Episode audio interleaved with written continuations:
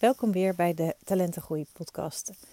In de serie waarin ik je in vogelvlucht meeneem langs de 10 stappen van mijn boek. En vandaag wil ik bespreken met je uh, stap 3. Ga uit van talent. En de quote die ik bij dit hoofdstuk heb gekozen is een hele bekende van Albert Einstein. Everybody is a genius, but if you judge a fish by its ability to climb a tree, it will live its whole life believing that it is stupid. En ehm, misschien ken je wel de verhalen van beroemdheden zoals Einstein, maar ook uh, Leonardo da Vinci, Jamie Oliver, ehm, Tom Cruise. Eh, nou, we kunnen nog wel even doorgaan. Van al deze mensen werd op school gedacht dat zij niet konden leren. En heel veel van hen hebben ook hun school zelfs niet afgemaakt. En later bleken zij een genie en supergoed in hun vak. En vaak ook een inspiratie voor heel veel andere mensen. En niet ondanks hun stoornis tussen aanhalingstekens, maar juist dankzij hun talenten. En eh, daar gaat dit uh, hoofdstuk over en eigenlijk natuurlijk ook uh, mijn boek. Um, want we zijn in Nederland eigenlijk heel goed om te kijken wat is er met een kind aan de hand hè, als dingen niet uh, lopen zoals je zou wensen. En die onderzoek heb ik ook gedaan, want daar was ik voor opgeleid. En zoals ik je al eerder zei, ik vond het werken met de kinderen heel erg leuk. En ehm, ik deed dat om natuurlijk kinderen ja, verder te helpen, maar nou ja, door testen bij hen af te nemen om te kijken van, nou, uh, hoe zit het met de intelligentie of is dit kind dyslectisch of niet? Of is er misschien sprake van eh, ADHD of ADD? Ehm, ja, voor mijn gevoel klopte dat toch nog niet helemaal, want ik had het gevoel dat ik een kind nog niet echt verder had geholpen. Ik kon wel heel goed uitleggen wat er, uh, wat er niet goed ging, maar de vraag van wat kunnen we nu anders doen, die bleef voor mij eigenlijk vaak onvoldoende beantwoord. En ik had zelf dus heel erg de behoefte om op zoek te gaan naar een andere manier om ja, anders te kijken naar die uh, problemen. En gelukkig ontdekte ik dat er uh, ja, heel veel methodieken um, zijn die op die manier kijken. Dus uh, kijken naar oplossingen in plaats van het analyseren van de problemen. Ehm, kijken wat er wel goed gaat in plaats van wat gaat er mis. En uitgaan van sterktes in plaats van uh, zwaktes of tekortkomingen. En uh, nou, ik ben heel blij dat ik dat dus uh, heb ontdekt dat dat kan. En in mijn boek haal ik eigenlijk het voorbeeld aan van de vaas van Rubin. Misschien ken je hem wel. Hè, dat is zo'n plaatje waarin als je naar het witte gedeelte kijkt, dan zie je eigenlijk de vorm van een vaas. En als je naar de zwarte delen kijkt, dan zie je twee gezichten. En zo zie ik eigenlijk ook de kinderen. je, het is hetzelfde kind, je kan er op twee manieren naar kijken. Uh, of je ziet het een of je ziet het ander, maar eigenlijk kun je het ook niet allebei tegelijk bekijken. Dus ik vind het ook een hele bewuste keuze van op welke manier kijk je naar zo'n kind.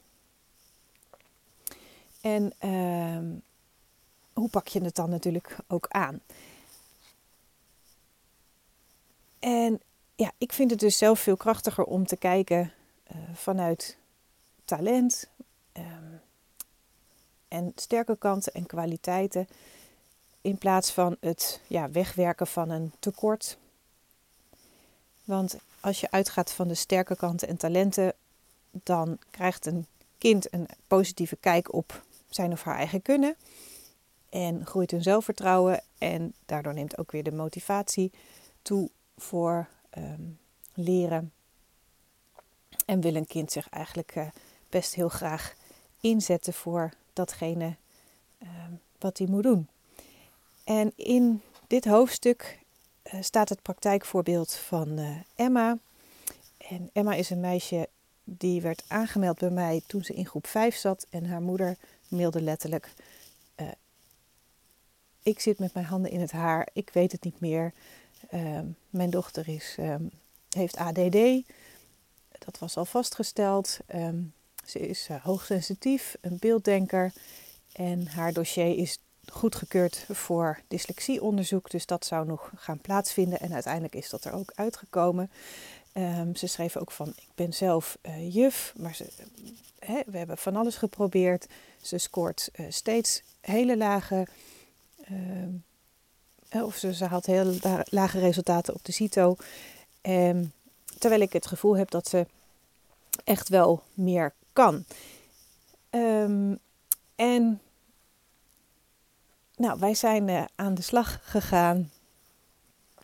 En nou, dat ging eigenlijk heel erg uh, goed. En de vader van Emma, die uh, in mijn boek een stukje heeft willen schrijven, uh, die schrijft ook van momenteel zit Emma op de middelbare school. Ehm, ze gebruikt de technieken die ze destijds dus in groep 5 heeft geleerd nog steeds. En ehm, dat ze heel blij zijn dat ze de juiste weg hebben kunnen vinden in het leerproces van hun dochter. En dat hij zijn verhaal graag deelt om andere ouders en kinderen ook te helpen hun eigen weg uit te stippelen. En hij schrijft ook nu denk je misschien dat dat allemaal over rozen ging en uh, dat het ja, heel gemakkelijk ging. Maar nee, zegt hij, we hebben een hele lange weg bewandeld. Uh, vele ups en downs waren er, maar volharding en doorzettingsvermogen zijn belangrijke pilaren om uh, voor jezelf te slagen. En waar een wil is, is een weg. En um, het voorbeeld van Emma laat eigenlijk zien dat uh, dit meisje, wat eigenlijk al diverse labels had, um, maar dat er nog steeds geen passende oplossing was.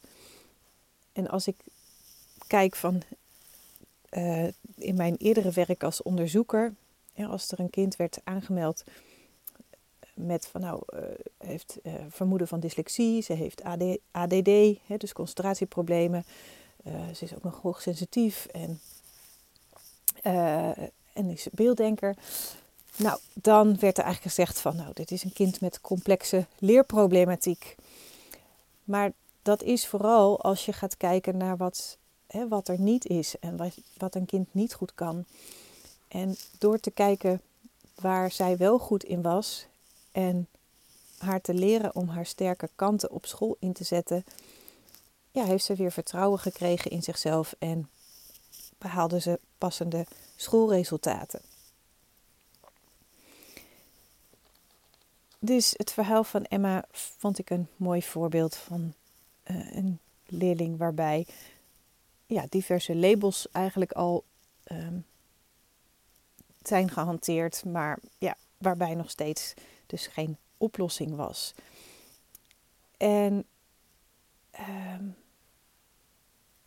het is zo zonde, want deze kinderen hebben zoveel kwaliteiten die we nu en zeker ook in de toekomst zo hard nodig hebben. En daarom vind ik het zo belangrijk dat kinderen ja, die kwaliteiten, talenten, sterke kanten op jonge leeftijd al leren kennen. En hè, dat ze niet een weg inslaan gebaseerd op de dingen die ze niet zo goed kunnen, maar die vooral gerelateerd zijn aan de manier waarop ze het eh, op school moeten doen. Dat past niet bij hun manier van denken en leren. En daardoor lukt het niet. Ehm, en daarom krijgen ze dus vaak die labels. Ehm, maar als je dan in de begeleiding eigenlijk nog een keertje opnieuw gaat doen, ja, wat eerder ook al gedaan is, maar wat dus niet gelukt is, dan heeft dat niet zoveel zin. Dus ehm, door het helemaal om te draaien en door te kijken van nou, uh, wat gaat er wel goed? En in te steken op uh, de sterke kanten. Uh, daarmee versterk je tegelijkertijd ook de zwakke punten. Maar zorg je er bij een kind voor dat het gevoel van, nou, ik kan het, hè, dat dat overheerst. En dan hebben kinderen ook echt wel nog puff over, zeg maar, om zich in te zetten voor de dingen die toch nog een beetje lastig zijn. Dus wat mij betreft eh, zeg ik altijd, moet de vraag niet zijn wat heeft dit kind, maar wat heeft dit kind nodig?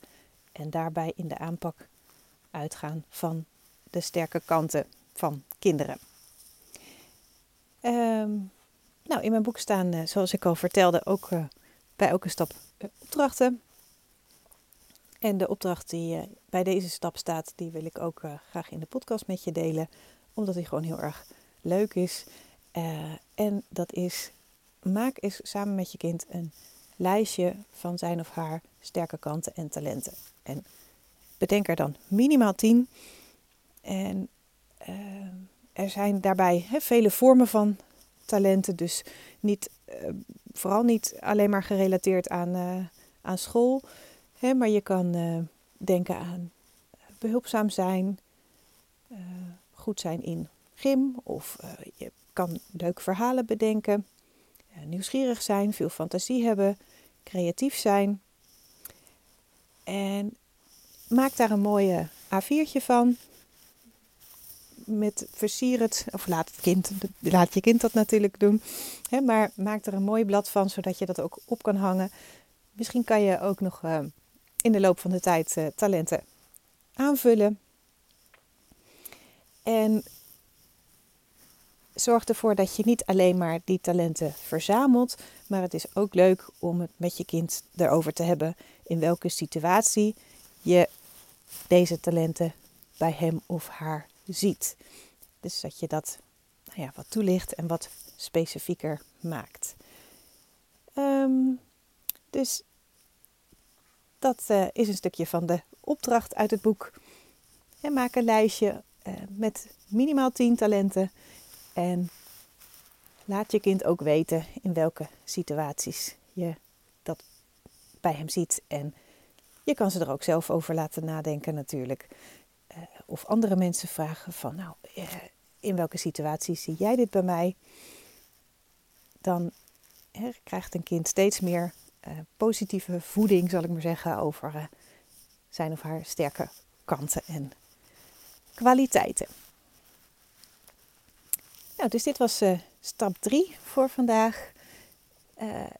ik hoor je graag weer in de volgende aflevering.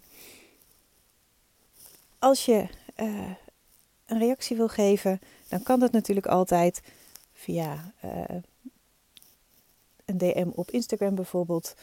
Of uh, stuur mij een mailtje. En ik heb eerder ook al gezegd, als je een suggestie hebt voor gasten in de podcast, dan hou ik me aanbevolen.